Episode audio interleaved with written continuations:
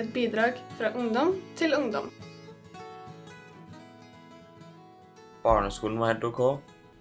Ikke akkurat den smarteste kiden i klassen, men akkurat egentlig som alle andre. Alt er helt greit fram til sånn fjerde-femte, og så begynner eh, ting å bli litt vanskeligere.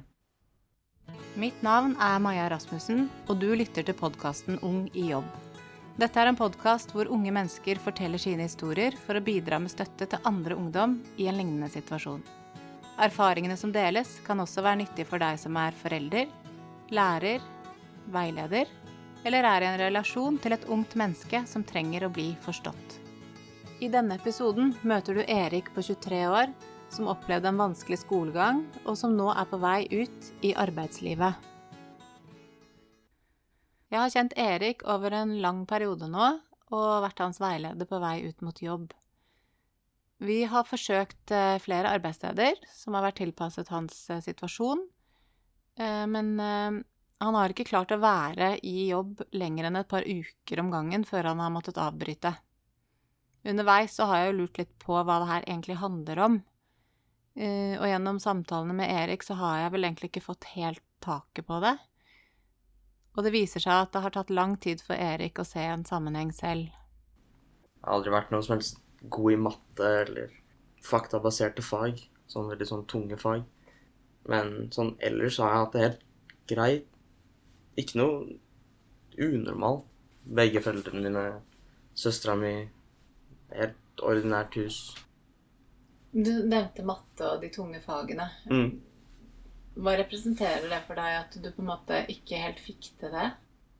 Det er litt irriterende fordi fag som matte som egentlig har bare ett riktig svar, det er veldig svart-hvitt. Du har liksom enten riktig eller galt. Og da burde det etter min mening være liksom lettere å finne et riktig svar, eller liksom forstå hvorfor det skal være riktig. Men likevel så er jeg helt udugelig når det kommer til matte. Men Begynte det liksom å gjøre noe med trivselen din på skolen, da, eller? Um, nei, jeg vil ikke si det. Jeg var egentlig bare ikke sånn superflink på skolen. Jeg hadde, jeg hadde ikke noe imot skole, for da var på en måte Det er der man møter alle kompisene sine rett og slett tilbringer mesteparten av dagen sin. Var det allikevel viktig for deg å få det til? Eller tenkte du at det er ikke så farlig om jeg ikke får til de fagene um, der? Ikke da. Ikke på barneskolen, i hvert fall. Jeg tror det mer startet på ungdomsskolen. At jeg begynte å tenke mer på å prestere godt. For uh, på barneskolen så hadde det veldig lite betydning. Føltes i hvert fall ut som. Men på ungdomsskolen så har liksom standpunktskarakterer, uh, avgangsfag Du har liksom, du ønsker å ha et høyt snitt. Da Erik begynte på ungdomsskolen, ble det stadig vanskeligere faglig sett. Eh, han forteller at han byttet til en annen skole med mer alternative læringsformer etter ett år. Og på den nye skolen så fikk han bedre karakterer i begynnelsen. Men det ble vanskeligere å opprettholde etter hvert. Og i niende klasse ble Erik syk. Hvordan var det du merket at du ble syk? Jeg hadde vel egentlig bare et par måneder etter Når vi hadde starta i niende, etter sommerferien. Og så ble jeg bare kjempedårlig. Jeg klarte ikke å komme meg på skolen i det hele tatt. Og når jeg var hjemme selv, så føltes det ut som jeg ikke hadde energi til å gjøre noe som helst. Det ble liksom veldig mye sengeliggende med en bøtte, og det var dagene mine i ca. ett og et halvt år. Var det noen som forklarte deg hva, hva som feilte deg? Um, det er flere teorier som noen av de legene jeg har pratet med, har hatt. Uh, for eksempel uh, et magesår har vært potensielt, for det er litt vanskelig å legge merke til. Spesielt hvis det er ved inngangen til uh, magesekken. Eller f.eks. Uh, en nyrebetennelse eller et eller annet sånt. ting. Vurderte jo faktisk å kjøre en sånn stikkprøve der man rett og slett bare tar ut en del av den ene nyren bare for å sjekke om det faktisk er som det skal være. Fant egentlig liksom lite. Jeg lurer på i senere tid om kanskje det er stress som har muligens eh, forårsaket at jeg har blitt dårlig. Kan det være at Erik fikk magesmerter pga. stress? Forskning viser jo at stress og psykiske plager går hånd i hånd. Høye nivåer av stresshormonet kortisol over lengre tid gjør at immunforsvaret fungerer på et lavere nivå, noe som kan gi fysisk sykdom i annet mageregionen. Når jeg snakker med Erik, så kan han ikke huske at han følte seg stresset i begynnelsen av niende klasse. Men gjennom samtaler vi har hatt, så gir han jo uttrykk for at han er en person som ofte er skuffet over seg sjøl og opptatt av å gjøre ting riktig. Han beskriver at når han mislykkes, så kan det sammenlignes med en blykule som svinger lenger ut for hver gang, og treffer han hardere og hardere tilbake.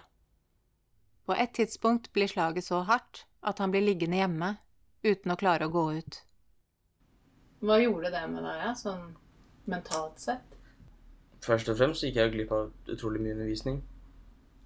Så i etterkant så skal jeg være helt ærlig, så føles det ikke ut som skolen gjorde så veldig mye for å tilrettelegge en metode slik at jeg kunne lære noe som helst. Enten hjemmefra eller få det lettere med å ta igjen ting. Um, for det var en av de tingene at jeg mistet jo veldig mye faglig sett. Og da var det ganske vanskelig å lære nye ting og lære gamle ting samtidig. For veldig mye av ungdomsskolen bygger jo på en måte på uh, informasjon som du har lært fra før av. Hvordan gikk det med vennskap og med kontakt med andre? De kompisene som jeg har nå, i dag, er de samme som jeg hadde da. Jeg har alltid syntes at det er enklere og bedre å ha en relativt liten gruppe med veldig gode kompiser som jeg på en måte føler jeg kan stole på skikkelig, um, enn å ha bare masse venner. Men du fikk et stort faglig hull, da. Ja. Uh, så prøvde du kanskje å ta opp igjen skolen igjen på et eller annet tidspunkt? Jeg tenkte jo da at uh, et, et, etter tiende så jeg, fikk jeg lov til å søke på sånn uh, spesialt grunnlag. Det var helt umulig å lære ting både på første klasse og fra ting du har, skal ha hatt i 9. og 10. Uh, I alle fag? Ja. Men når du da gikk i første klasse på videregående og kjente at dette fungerer jo ikke Jeg var jo milevis bak alle andre. Hva tenkte du da? Um, det er ikke en veldig god følelse. Så skal det jo sies at jeg gikk studiespesialiserende fag, da. Ikke yrkesfaglige fag på, på videregående, så, så, jeg lurer på om det hadde gjort noe. Men uh, nå kjennes det ut som uh, Nå har jeg ikke lyst til å starte på videregående på nytt, for da vil jeg jo starte med folk som er tre år yngre enn meg. Det vil jo være mentalt nederlag så det synger. kan du prøve å beskrive litt det stresset som du nå skjønner at du kanskje har blitt litt bedre kjent med, da?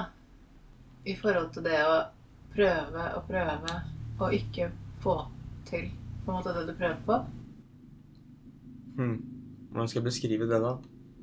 Det er liksom at Sånn halvveis håp om at neste gang så vil det fungere. Så er det halvveis litt sånn Halvveis litt sånn at neste gang må fungere. Og det blir litt sånn slitsomt at hver gang det skjer noe, så blir jeg syk på et eller annet form for vis. Det er sånn jeg har vært siden jeg var liten, òg. jeg har et naturlig dårlig immunforsvar. Det du sier, er liksom at det psykiske stresset slår seg ganske fort inn på fysiske symptomer? Ja. Hvis, hvis Altså, det mest stressa jeg har vært noensinne, da kjennes det ut som om hjertet mitt kommer til å eksplodere. Jeg har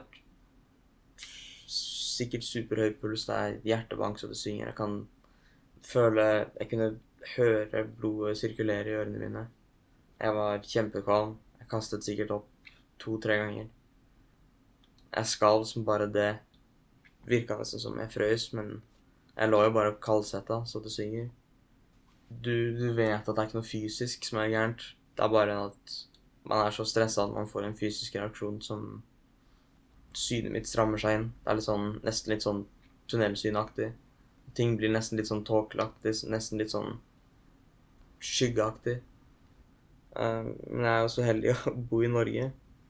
Jeg gikk jo til legen, så tenkte jeg at liksom Nok må være nok.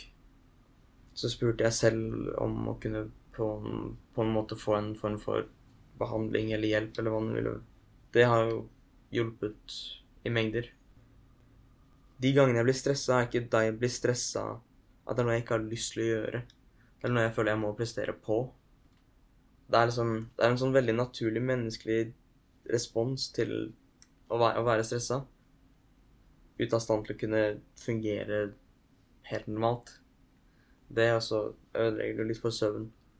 Kjenn, ikke akkurat kjennes så veldig deilig over lengre perioder. Flere uker i strekk med mindre enn optimalt mengde med søvn. Da kjenner man det. Så da er det ikke bare magesmerter Erik kjenner på. Det er også søvnproblematikk og angst som forverres når han går ut av døra og skal prestere. Med alt det ubehaget det medfører, er det kanskje ikke så rart at han velger å være hjemme. Det er en av de tingene som er litt dumt med å være syk veldig lenge.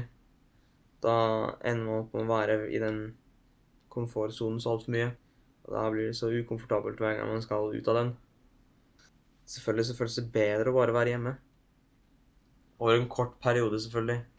Jo lengre, jo lengre man er rett og slett bare hjemme og ikke gjør noe som helst, så vil det føles verre igjen når man skal på en måte gjøre noe annet.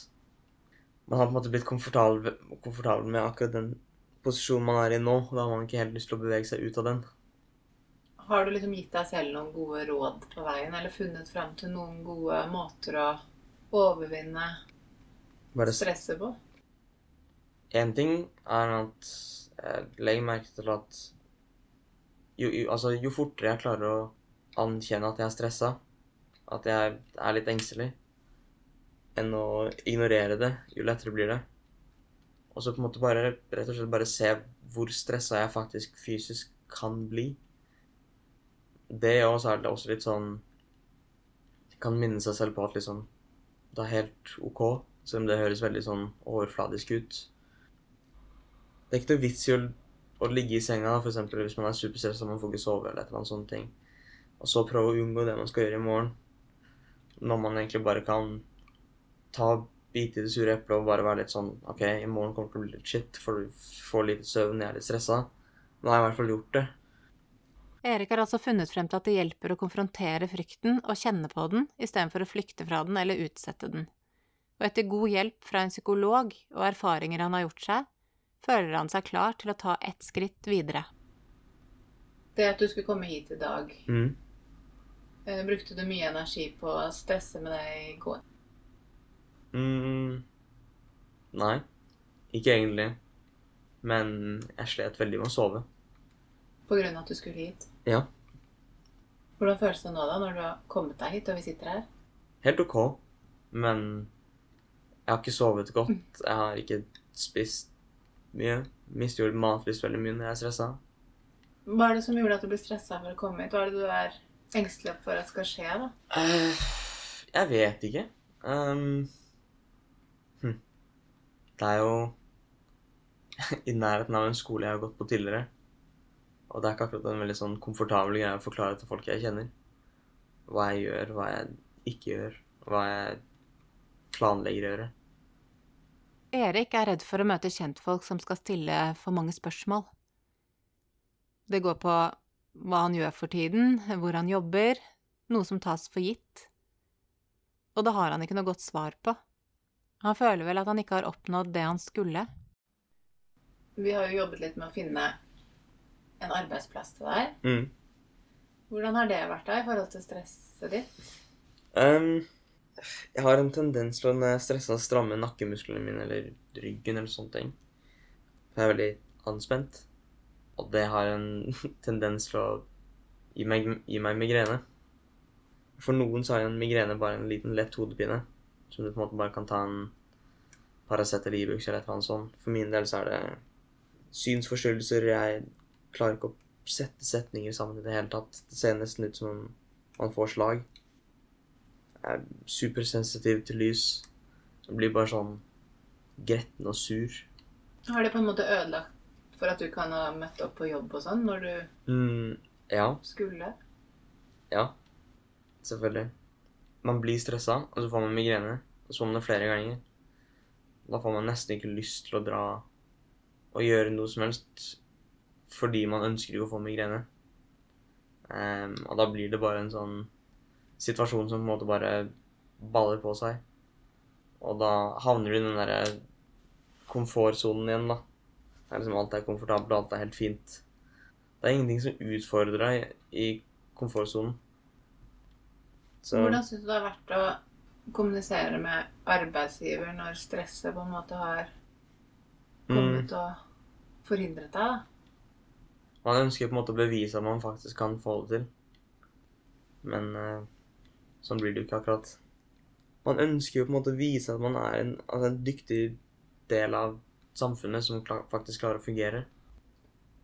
Men hva tenker du om jobb nå? Akkurat nå så er du ikke i en jobb. Nei. Og så har vi snakket litt om å finne nytt sted. Mm. Tenker du at du kommer til å møte opp denne gangen, og at stresset ikke kommer til å hindre deg? Jeg håper det. Hvorfor skulle det ikke gjenta seg denne gangen, tenker du? Jeg føler at sist gang nå så var det mer på grunn av uheldige helsemessige årsaker enn at jeg var stressa. Men jeg, jeg, håper jo at noe vil fungere, da. Altså at det er et eller annet som klarer å normalisere ting litt mer. Det føles ikke bra nok å ikke faktisk få til noe så enkelt som en vanlig, ordinær jobb. Men vi snakket jo sist om eh, at du hadde faktisk ønske for en ny arbeidsplass, da. Mm. Så jeg dro dit og spurte. Og vi får et møte med arbeidsgiveren der. Hva skjer med deg nå når du hører det? Er du klar? mm, ja. Eller Det er sånn blanding av at jeg har på en måte ikke lyst til å på en måte være i den komfortsonen så lenge. Det, og så er det utrolig kjedelig. Men hvis vi drar i møte med den nye arbeidsgiveren din mm. neste uke Det er litt ut fra ditt ønske om hvor du har lyst til å jobbe. Og det blir også ganske godt tilrettelagt. Mm. Vi kan styre arbeidstiden litt. Siden du ikke sover så godt om natta, så kan du begynne litt seinere. Det, det, var en tid der borte. Det var jo å være der klokka sju var grøytidlig. Og så eh, at du starter med varepåfylling. Uh, med helt sånn konkrete oppgaver. Mm. Så det er ikke så mye uforutsigbart, da. Nei. Er det noe mer du tenker at vi kan gjøre for at det skal gå bli litt mindre stress for deg i starten? Egentlig litt sånn samme ordning som der borte på Meny. Mm. Det har vært greit å liksom starte med noen få dager i uka, og så heller øke det etter hvert. Er du liksom klar for å ta opp kampen mot stresset? Altså det som gjør at hjertet begynner å løpe og hodet begynner å dundre, altså allikevel trosse det litt, da? Ja, det er liksom det som er greia. At jeg på en måte prøver å pushe meg selv mentalt helt, helt at det blir altså, at kroppen min og hjernen min reagerer på som det er normalt. Jo mer og mer man gjør noe, jo mer og mer komfortabel vil man selvfølgelig føle seg med det. Hvordan har liksom foreldrene dine taklet at du har vært hjemme og ikke kommet deg ut? Det er jo litt vanskelig å se på at uh, sønnen ikke på en måte kommer seg ut i samfunnet, da? Jeg vet liksom ikke helt hvordan I guess de har det. Men uh, det er en veldig sånn svart-hvitt respons fra foreldrene mine. Faren min virker ikke Altså, han bryr seg sikkert, men det bare virker ikke sånn. Så jobber faren min utrolig mye. Er ikke sjelden hjemme, men han er mer borte enn hjemme. Og moren min er hun er nesten innpåsliten, føler jeg. Det er jo selvfølgelig godt ment. Det er litt vanskelig å på en måte pushe folk tilbake og på en måte si at det er litt sånn, jeg har lyst til å gjøre ting i min hastighet. Og samtidig så er det litt sånn Min hastighet er kanskje litt treig. Jeg føler det er på en måte en fin blanding. At jeg får spillerom fra faren min, som er bare litt sånn You deal with it. Og så moren min er mer på det. Men det viser jo bare at hun faktisk bryr seg, da. Så. Tror du de har skjønt hvordan du har det? Kanskje. Jeg vet ikke. Om de forstår det, det vet jeg ikke. Nei, ingen anelse over. Har du et håp om at de forstår det? Ja. Det hadde vært fint. Men du sier du er 50 inne på rommet. Mm. Hva gjør du inne på rommet? Spiller dataspill. Fortell. Jeg er veldig glad i spill der det er en konkurranse, hvis det er mening. Altså det er på en måte Det er et mål om å vinne. Og det er på en måte en godfølelse av liksom at man, når man vinner, å vite at man har vært bedre enn de andre personene du spiller mot. Er det lettere for deg å forholde deg til det enn til den verden som er utenfor rommet ditt? på en måte? Muligens. Det også tror jeg at hvis man spiller med folk over nettet, så trenger man ikke å endre seg på noe personlighetsvis. Det er ingen som bryr seg om sosial status, fysisk utseende, hvor mye penger du har. Det er bare veldig sånn Er du flink til det du driver med? Er du hyggelig? Så er det greit nok. Hvor flink er du, da? Hva skal jeg si, da? Eh, rangert på noe som heter Faceit, så ligger jeg som nummer én i Norge. Og nummer 180 i Europa. Så å si at jeg er god, det er vel kanskje en Det er, det er greit. Såpass så jeg, føler jeg at jeg har fortjent å si. For meg så blir det sånn litt sånn kontrast i forhold til det du presterer inne på spillet ditt, Mm. og det du på en måte får til ute på en jobb, for eksempel. For det er, det er jo en hindring der. Muligens. Altså, Det har jo noe med Å på en måte se sin egen forbedring er noe av det beste jeg vet. Se aktivt sin egen progresjon og bli bedre og bedre. Om det gjelder dataspill eller andre ting, f.eks. ha mer penger på konto eller å gjøre en bedre og bedre jobb. Være mer og mer effektiv, mer produktiv. Hvis du tenker på framtida di, ja. Mm. ser det lyst ut? Jeg Mørkt ut? har overhodet ingen peiling på hva jeg har lyst til å gjøre. Men jeg har en om noen ting jeg ikke vil gjøre. Det er litt vanskelig, for jeg føler at Jeg føler at man må egentlig ha en ut, sånn skikkelig universitetsutdanning i Norge i dag for å kunne gjøre noe som helst som er spennende. Men for å få det, så er det litt vanskelig nå. da må jeg ta opp masse fag, og jeg må, på en måte se på, på måte, hva som er mulig nå. Og så heller på en måte fokusere på å gjøre den beste ut av det man har nå, enn å tenke på hva man ikke får gjort eller ikke kan gjøre. Da, da, da blir ting veldig mye enklere. Når man klarer å innse at det toget har gått, eller ikke kommet ennå. Hvordan har du det akkurat nå, da? I livet ditt? Helt ok.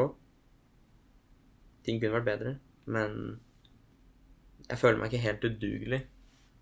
Jeg har på en måte ikke lyst til å sitte her og synes synd på meg selv. Mest fordi at jeg vet at det er så mye ting jeg kan gjøre for å gjøre ting bedre sjøl. Har du noen eksempler på det? Være mer fysisk aktiv. Trene mer. Være mer ute generelt sett. Bare gjøre en bedre jobb. Informere meg sjæl skikkelig. På en måte prioritere ting riktig. Erik har lært meg at det kan være belastende på mange måter å skulle prestere, også på skolen. Derfor har jeg tatt kontakt med Nina, som er lærer på videregående skole, for å høre litt mer om erfaringene fra innsiden av skolesystemet. Hun har vært lærer i 18 år og har møtt flere hundre elever på sin vei. Jeg er først og fremst nysgjerrig på hvilke erfaringer hun har, spesielt i forhold til de elevene som opplever stress. Det er fredag 29. mai og bortimot 25 grader ute, og sola steiker. Jeg møter Nina nede på brygga. For nå har jeg blitt kjent med en del ungdom, og noen av de kan fortelle om at det er en del ting de sliter med i forhold til det å prestere på skolen, da. Og så tenker jeg du som lærer, hvordan er det du på en måte merker at noen av elevene har det vanskelig? Det er jo ulike eh, måter å, å vise det på.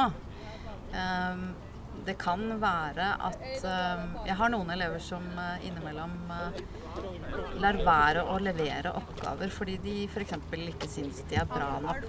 Og så kan de kanskje skylde på at det tekniske sviktet. Vi har jo digitale læringsplattformer.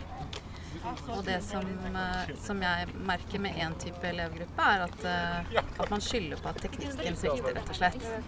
Og så skjer det. Det gjentar seg. Eh, og etter hvert så må jeg liksom spørre om det er andre ting som gjør at man f.eks. ikke leverer eh, oppgaver og sånn. Og da hender det at elevene forteller at de ikke er fornøyd med det de har gjort. Akkurat som at uh, de tror at det er en forventning om at de skal kunne ting fra før. Og, ikke, og så må jeg minne da på at de er under læring. Og det å gjøre feil, det kan man lære masse av. Men det er veldig vanskelig å, å erkjenne da, for enkelte elever. Det jeg jobber med litt da, er å få eleven til å forstå at de feilene er gode muligheter til eh, å oppleve læring. Og det å dele f.eks. feil, det eh, jobber jeg ganske mye med. At de må presentere for hverandre og fortelle hva de skulle ønske de kunne få til bedre, og hva de er fornøyd med. Har du opplevd som lærer at du på en måte har sett noe mer enn det? Altså at du ser det på, på ansiktet, på atferden? Eh, når de er til stede? Eventuelt kommer det noen sykemeldinger? Ja, um, jeg kan oppleve, kanskje spesielt blant gutter uh, som sliter, uh, at de uh, prøver å skjule det ved å være litt tøff. Jeg husker spesielt jeg hadde en elev som gikk mye med hettegenser og hetta over huet. Og hver gang vi var i en læringssituasjon, så latet han som, eller viste han da ingen interesse for skole og skolearbeidet. Jeg tok eh, da kontakt med den eleven på egen hånd, eller sånn på tomannshånd. Eh, og ønsket å snakke litt med han. Fordi jeg så at altså, i kroppsspråket hans og i måten han oppførte seg på, så så tenkte jeg at her er det noe annet. Og han så ikke så veldig glad ut heller, egentlig. Så da spurte han uh, rett og slett bare om, om han hadde det bra. Og da tok han av seg hetta, og så begynte han å prate. Og det viste seg at han hadde det veldig vanskelig hjemme. Det han, trengte, det var, det, det var den lille oppmerksomheten som jeg viste ham. Fordi etter det så var han en mye mer positiv fyr når det kom til skolearbeid eller på oppgaver vi jobber med. Og, og han fikk en større tillit til meg, da. For han hadde delt det som var vanskelig hjemme med meg. Hvor opptatt er du som lærer av, at, av å se etter tegn på at elevene ikke har det bra, for å kunne bidra sånn som du akkurat fortalte om nå, da? merker veldig fort om det er uh, noe som er galt. Jeg jobber jo på, med medier og kommunikasjon, og jeg jobber med praktiske fag. Mm, noe som i utgangspunktet kanskje er litt mer lystbetont enn det de teoretiske fagene kan være. Da, spesielt for de som velger å gå den veien. Og når vi da gjør ting som i utgangspunktet kanskje skulle vært interessant, og ikke er det, så blir det ganske synlig. Og jeg er sammen med mine elever veldig mange timer i uka, så jeg har jo den eh, muligheten til å bli ordentlig kjent. Og den muligheten tenker jeg at det er viktig at jeg benytter meg av. Og kanskje spesielt hvis du er kontaktlærer, så er det, så er det jo litt viktig å se eleven. Så jeg er ganske opptatt av å se elevene mine. Det gjør både min uh, hverdag mer ålreit, uh, og jeg og jeg tenker at da, på den måten får jeg elevene med meg på det jeg ønsker at de skal lære å gjøre. Har du noen gang opplevd at uh, du ikke har klart å nå fram til elever som, som sliter, da?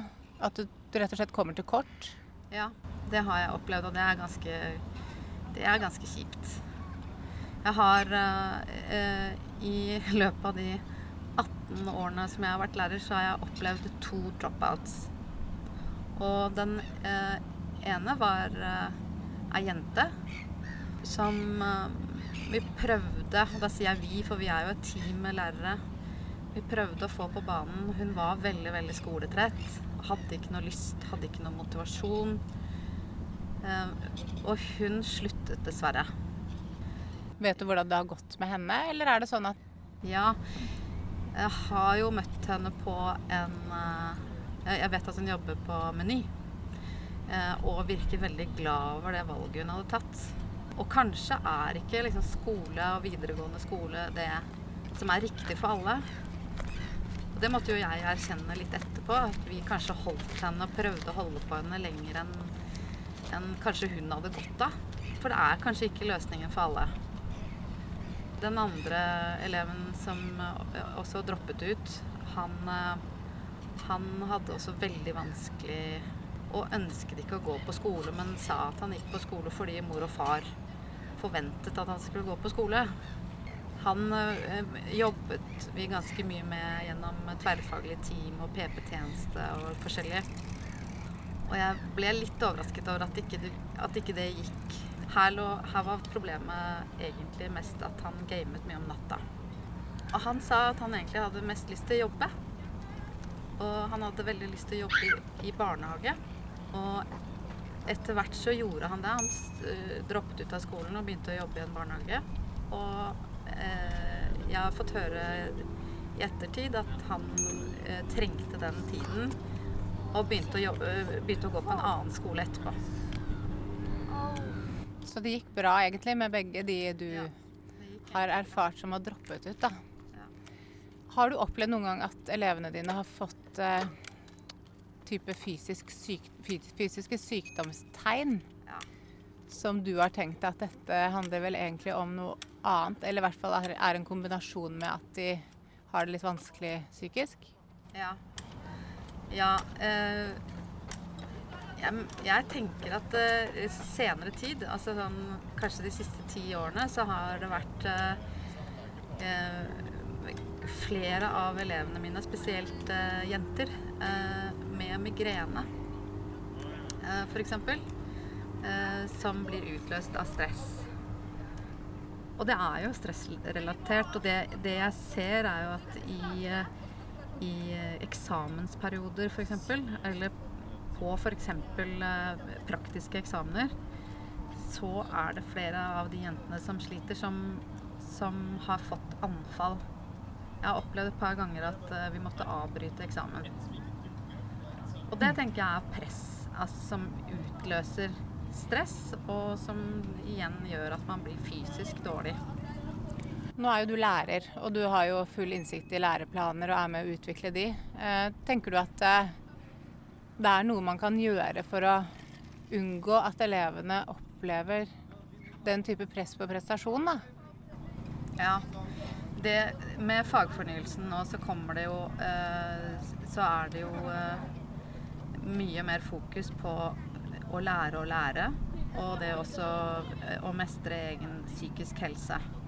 Og i de siste årene har det jo også vært litt mer Og det er jo fordi det er et større behov etter hvert, eller man ser at det er et behov, å ha med det i læreplanene. Hva tenker du om lærerrollen, da? Jeg hører at du er jo du er opptatt av å se elevene dine og, og se igjennom tegn som kan tyde på at de trenger et ekstra blikk og en ekstra prat med deg. Tenker du at det er noe alle, alle lærere er rusta til, eller er det veldig sånn individbestemt, og at du er en sånn type som utøver det fordi du velger det selv og er egna til det, mens andre kanskje ikke har det så mye fokus, da? Jeg tror de lærerne som ikke har det i fokus, de blir ikke i skolen så veldig lenge. Fordi det gjør det ganske vanskelig å være lærer hvis ikke du er opptatt av de signalene som elevene gir deg.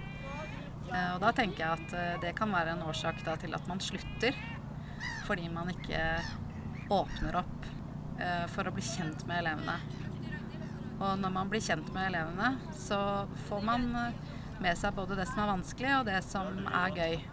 Så det tenker jeg er eh, helt vesentlig i lærerrollen. Dette med psykiske problemer, da. Du har jobbet i skolen i 18 år. Har du sett noe forskjell fra du startet for 18 år siden og til nå? Ja, jeg mener at psykiske problemer har blitt et uh, større problem de siste årene.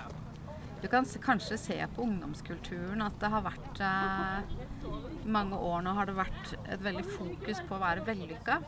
At det skal være, og at man skal prestere. Og jeg mener at i starten av min lærerkarriere så var ikke det eh, i sentrum på samme måte. Så jeg mener at de siste ti årene kanskje så har det vært et mye større fokus på stress. Altså at elevene stresser med å være vellykka og få gode karakterer, oppnå den flotte kroppen, trene, være flink. Mens kanskje i starten så for over ti år siden så var det ikke på den måten. Det var ikke det jaget. Jeg opplevde i hvert fall ikke det. Men det jeg hører, er at det er ikke noe som skjer i læreplanene som gjør at det presset blir nødvendigvis sterkere, men det er noe som skjer i hele samfunnet. Jeg tror det. Og så må dere egentlig prøve å imøtekomme det litt òg, da. Ja. Og følge utviklingen. Ja. Jeg, jeg, bruker ganske mye mer tid på å si ta det med ro. Ikke stress med dette. Gjør det du syns er gøy. Uh, legge til rette for at elevene kan velge mye mer selv. Sånn at det er selvvalgte ting. Men dette kan jo jeg gjøre fordi jeg er lærer uh, i praktiske fag. Uh, det er kanskje vanskeligere for f.eks. en mattelærer som må gjennom et pensum og bare er sammen med elevene to timer i uka. Hvis du skulle gi et råd da, til ungdom som føler at de ikke klarer å gjøre det bra nok, har du noen setninger til de? Av og til så er toer en sekser. Det er det som skal til for å få deg videre. Og av og til så er lav måloppnåelse egentlig en veldig stor prestasjon. Og dette er lærerne klar over. Eh, sånn at eh, dette karakterjaget, det må man nesten roe seg litt ned med. Og så vet jo vi som er litt eldre, at man kanskje ikke velger veien man har lyst til å gå før ganske mye senere. Så eh, hvis du som 16-åring allerede er utslitt fordi du prøver så hardt, så kanskje man skal tenke litt på hva man syns er gøy. Eh, når du velger f.eks. videregående opplæring. Kanskje du skal tenke hva syns jeg er ålreit å holde på med. Tenk litt med hjertet, på en måte.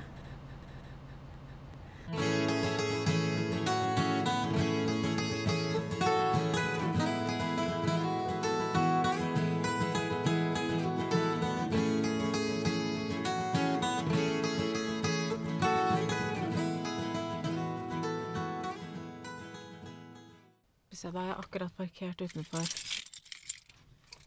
Erik sin nye arbeidsplass. Han uh, har sin andre dag på jobb.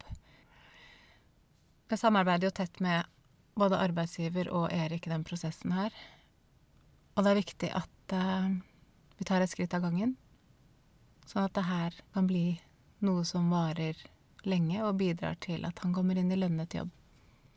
Da går jeg inn og tar en titt. Um, du, nå kommer jeg innom for å høre. Du er andre dag på jobb i dag. Ja. Fortell. Kjekt. Det er helt normalt. Varer klokka åtte. Um, varer på full i hyller fram til klokka ti da det åpner. Blir tatt godt imot. Har bare vært her to ganger nå, så det er fortsatt sånn opplæring med på nett og uh, bare bli kjent med hva, hva som er hvor. Fortell meg. På onsdag, da hadde du første dagen på jobb. Ja. Eh, fikk du sove dagen før? Litt. Men jeg Jeg var litt stressa. Jeg våkna opp midt på natta. Og eh, så fikk jeg heldigvis sove igjen, da. Jeg ble litt vant til å bruke litt sånne litt sånn teknikker for å unngå stress. Altså det er lettere å akseptere det enn å ignorere det. Så når du våknet da onsdag morgen, og du skulle på første arbeidsdagen, mm. hvordan følelse var det egentlig? Um, en god følelse. Det, altså, det kjennes fint å på en måte starte med en struktur. Å ha noe på en måte å gå til nå, i hvert fall annenhver dag. En mer meningsfullt hverdag. At man ikke bare sitter hjemme og soper rundt. Men selvfølgelig så er det litt sånn litt sånn sommerfugler i magen-følelse selvfølgelig også. At det er litt sånn nye personer å bli kjent med, nye personer å ha en helt annen tilknytning, tilknytning til. Litt sånn anspent følelse, men likevel en god følelse. Så hadde du møtt han butikksjefen på forhånd. Mm. Uh, hjalp det på en måte Ja, for jeg fikk et veldig godt inntrykk av han. Um, fra første gangen da jeg var her.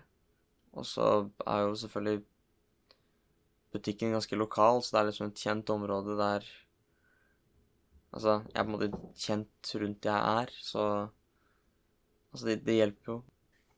Jeg føler meg mindre anspent. Det er liksom mindre nye ting å forholde seg til.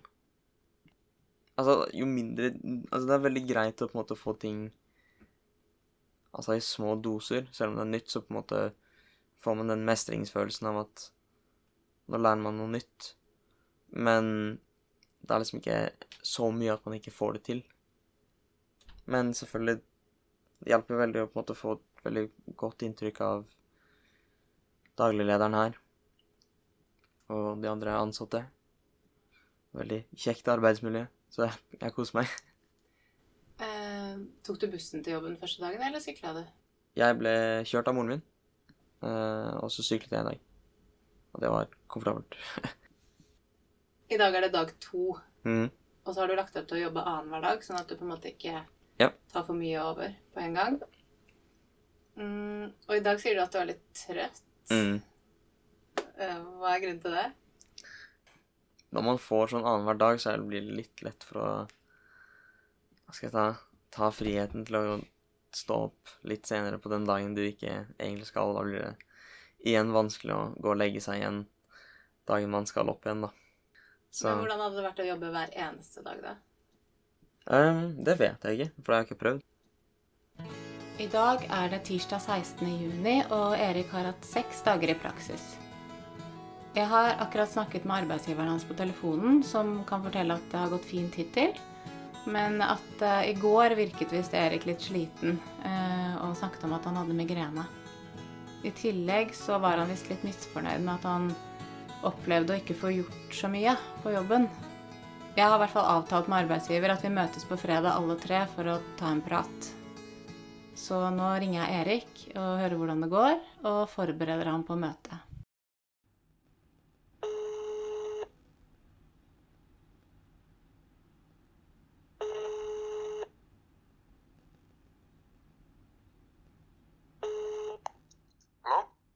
Hei, det er Maja. Hei. Hei. Hvordan går det med deg? Um, ganske bra. Ja, nå har du vært på jobb seks eh, dager. Hvordan har det gått? Bra. Ja. Kjempegreit. Ja. Um, men uh, ja, det er fortsatt mye ting å lære, da. Ja, men sånn er det jo. Men det er liksom Ja, sånn, sånn går det. Har formen vært grei òg, eller? Mhm. Har formen vært grei? Ja. Ja. Ja.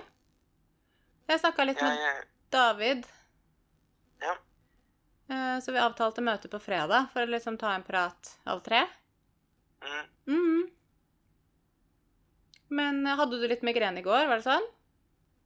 Mm. Ja. Hvordan var det, da? Um, jeg sov veldig lite. Jeg hadde ikke, jeg hadde ikke migrene da jeg dro.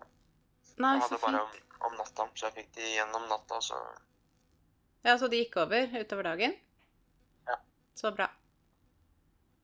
Er det noe du har lyst til å ta opp med David på fredag? Nei, egentlig. Skal vi bare ta det litt der og da? Ja. Jeg kommer klokka halv ni, jeg. Tidlig om morgenen. Ja, det okay. OK. det. Ha det. Da er det fredag 19. juni, og jeg har akkurat kommet ut fra møte med Erik og arbeidsgiver. Det tok en halvtime, klokka er ni, og vi har fått prata gjennom mye. Eh, inntrykket mitt er at det går bra. Eh, Erik trives veldig godt. Eh, han eh, har hatt arbeidsoppgaver med varepåfylling og kassa. Pluss at han har tatt en del sånne nettbaserte kurs. Og arbeidsgiver uh, syns det går bra. Det er selvfølgelig mye som står igjen å lære. Men eh, det jeg syns er litt rørende, er at arbeidsgiver har skikkelig troa på han. Og viser det veldig tydelig. Og til og med sier at Erik, jeg liker deg veldig godt. Og dette her går riktig vei. Og det tror jeg Erik trenger å høre. I tillegg så ønsker begge to å øke arbeidstiden fra tre dager i uka til fem dager i uka. Eh, Sånn at man kan få en helgefølelse og holde på søvnrytmen litt bedre. Um, og i den forbindelse har vi da bestemt at vi skal søke tiltakspenger, for nå Det virker som Erik trives, og at arbeidsgiver ønsker å satse på han, så da kobler vi på det og tar kontakt med Nav. Så dette virker lovende. Jeg har en god følelse.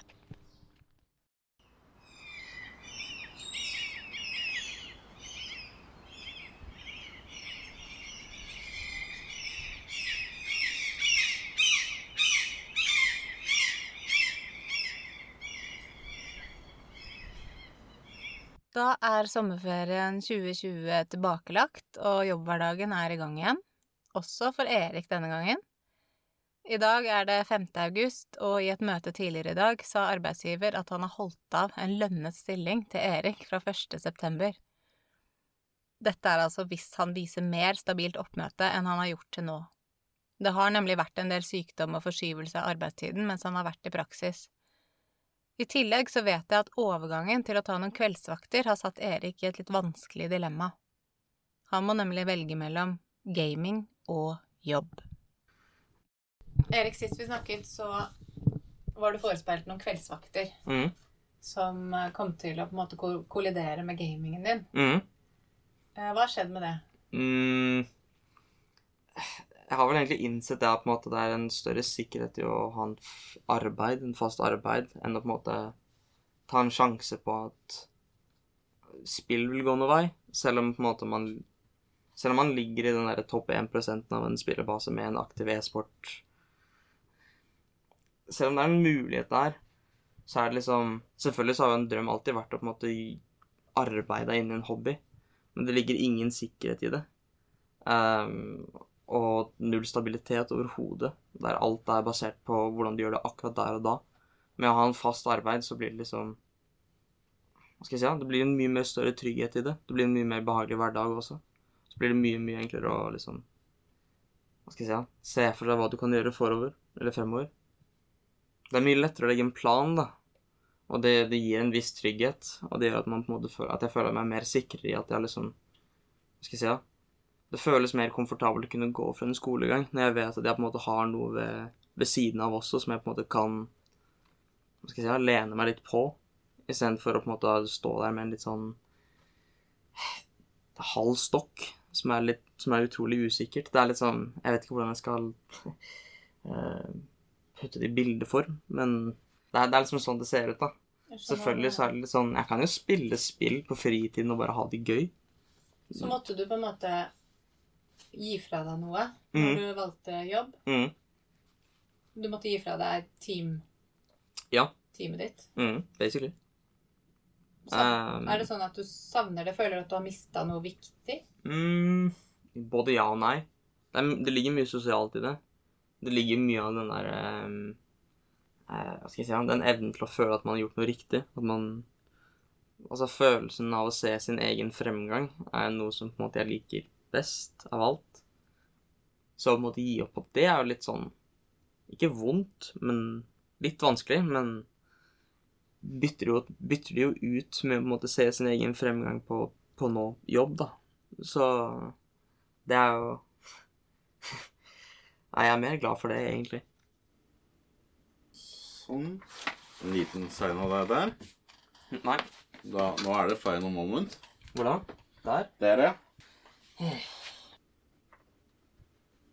er nå det skjer. Sånn. Gratulerer. Gratulerer. Hvor glad er du nå? Veldig. Er du glad òg, eller? Arbeidsgiver? Det er jeg, vet du. Han har vært veldig, veldig flink. Da blir det feiring med familien i kveld. Nei. Nei. Jeg skal være oppvakt til i morgen. Ja, det er, det er bra. Eh, Det som akkurat har skjedd nå, er at du har skrevet under på arbeidskontrakt, Erik. Mhm. Gratulerer. Takk. Ett ord på hvordan det føles. Endelig. Og arbeidsgiver. Yes. Nå har vi samarbeida mm. i tre måneder. Ja. Og så ble det her på en måte resultatet, Ja. som er utrolig gledelig, da. Mhm. Og så tenkte jeg å høre litt med deg. eh, dette med de tre månedene og den praksisperioden. Mhm. eh, hva er det du ser som nyttig ved den? du får jo testa ut en eh, eventuelt en ny medarbeider, som er en veldig fin eh, funksjon, da. Eh, ved å se om de er punktlige, for det er veldig vanskelig å se det på et vanlig intervju. Og se hvordan den personen egentlig er. For det tar som regel sånn tre måneder, så, så veit du hva du får. Eh, det som har vært med, med Erik sin situasjon, da, at det, han, det tok litt tid i begynnelsen, men ofte så er det at de tar seg opp i, i midten av sesongen, kan du si, da. Så han har vært veldig bra. Eh, han har vist eh, et veldig godt engasjement. At dette, dette er det han vil. Alltid før tida. Og alltid flink til å gi beskjed da, hvis det skulle være noe at han måtte gå, eller han skulle til legen eller tannlegen, eller hva, hva, enn det er. Så det, det, er liksom det som Det jeg ser etter, da, er å ha den der ærligheten mellom hverandre. Jeg syns det funka veldig bra. Ja, for jeg tenker det, det, sier litt om deg og din innstilling som arbeidsgiver også, da. At mm. du ønsker å gå inn på sånne samarbeid. Ja. For det er jo mennesker som er i et utgangspunkt hvor det kanskje kan være vanskelig å komme inn i jobb på egen hånd og rett på lønna jobb gjennom sånne stillingsannonser. Ja. Det er utro... Altså, markedet nå er veldig vanskelig. Jeg liker å tro at markedet nå er beregna for at du enten så må du kjenne noen, eller kjenner du ingenting, så da er det veldig vanskelig å komme inn. Og da syns jeg sånne vedtak som dette her er veldig bra. Å komme, du får en start, da. Så jeg føler at som arbeidsgiver så føler du et visst eh, ansvar for den personen. Du kan, du kan, ta et valg og bare Han kan være her i tre måneder, og så snakkes vi etterpå. Men hvordan føler du det etterpå, da, egentlig? Så, er, eh, så, hva er din motivasjon underveis her? Hvor Motivasjonen min er jo liksom hjelpe andre som ikke har det så veldig bra, Å og komme, komme i gang. Sånn som Erik sitt tilfelle, så han kom inn her litt inn og ja. Så vi har, vi har jo snakka om alt mulig rart. Eh, om spisevaner. Det har vært hvert et punkt. Mm. At han har slitt med mye migrene. Eh, og jeg vet ikke om har du hatt noe migrene nå i det Ikke sånn Det er mye mindre enn det jeg har hatt før. Ja. Han sa noe som jeg på en måte ikke har tenkt på før. At det er å spise godt. Mm. Um, og jeg føler at nå som jeg spiser mer, så sover jeg bedre. Mm. Og da er det mye mindre tilfeller med migrene. Mm. Så pluss, pluss. ja. Tenkte jeg, da. Så det at du liksom har begynt her, da, og blitt kjent med akkurat den gode, fine arbeidsgiveren du har fått, så mm. har du fått det bedre med helsa di òg? Ja. Så det er bra. Det er stor takk til arbeidsgiver, tenker jeg. Ja, ja. For da har du tenkt veldig helhetlig. Ja. Tenkt på hele mennesket. Ja. Altså, vi er jo i den eh, bedriften vi er, vi er veldig sånn der Vi er nesten som en familie, da. Vi er sånn, vi kan tulle med hverandre, vi har det veldig gøy på jobb. Og det er veldig viktig at uh, de andre har det faktisk bra på jobb, da. Og så ser du, Nei, vet du hva, Erik, noen, du spiser altfor lite, liksom. Mm.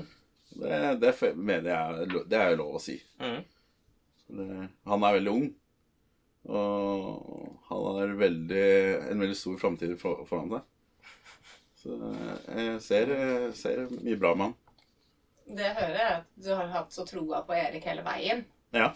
Og ikke sant, når man har en arbeidsgiver som heier skikkelig på deg, da, Erik mm. Hvordan har du opplevd det? Det har vært kjekt. Det har vært mye fin kritikk, egentlig. Noe som jeg mye har lært av. Altså mange egne forbedringspunkter som jeg føler jeg har blitt bedre sjæl på. Men selvfølgelig det er mye å lære igjen, da. Indre stress eller angst er ikke alltid så lett å identifisere eller avdekke som årsak til fysiske sykdomstegn, og begge deler forsterker jo ofte hverandre. For Erik tok det tid å oppdage at det var nettopp indre stress som gjorde han syk og ikke i stand til å fullføre skole, og som i senere tid også har vært en hindring på vei inn i arbeidslivet. Erik sin historie viser at det ikke bare er å ta seg sammen eller skjerpe seg. Det er ingen lett tilgjengelig løsning eller liste av gode råd som man bare kan følge, og så vil alt gå bra. Erik sitt bidrag til denne podkasten handler blant annet om at det er viktig å ta imot hjelp til å forstå seg selv. Få kunnskap om hva indre stress gjør med kroppen, og hvordan det er mulig å tenke og handle annerledes når det melder sin ankomst. Åpenhet gjør det også lettere å møte forståelse fra andre. Og så kan det vise seg at det var mulig likevel, da. Å få en lønnet stilling, det som virket så håpløst da Erik satt hjemme på rommet sitt bare for noen uker siden. Du har lyttet til podkasten Ung i jobb, en podkast med bidrag fra ungdom til ungdom. Ønsker du å vite mer om oss, kan du gå inn på vår hjemmeside ungijobb.no, eller følge oss på Facebook eller Instagram.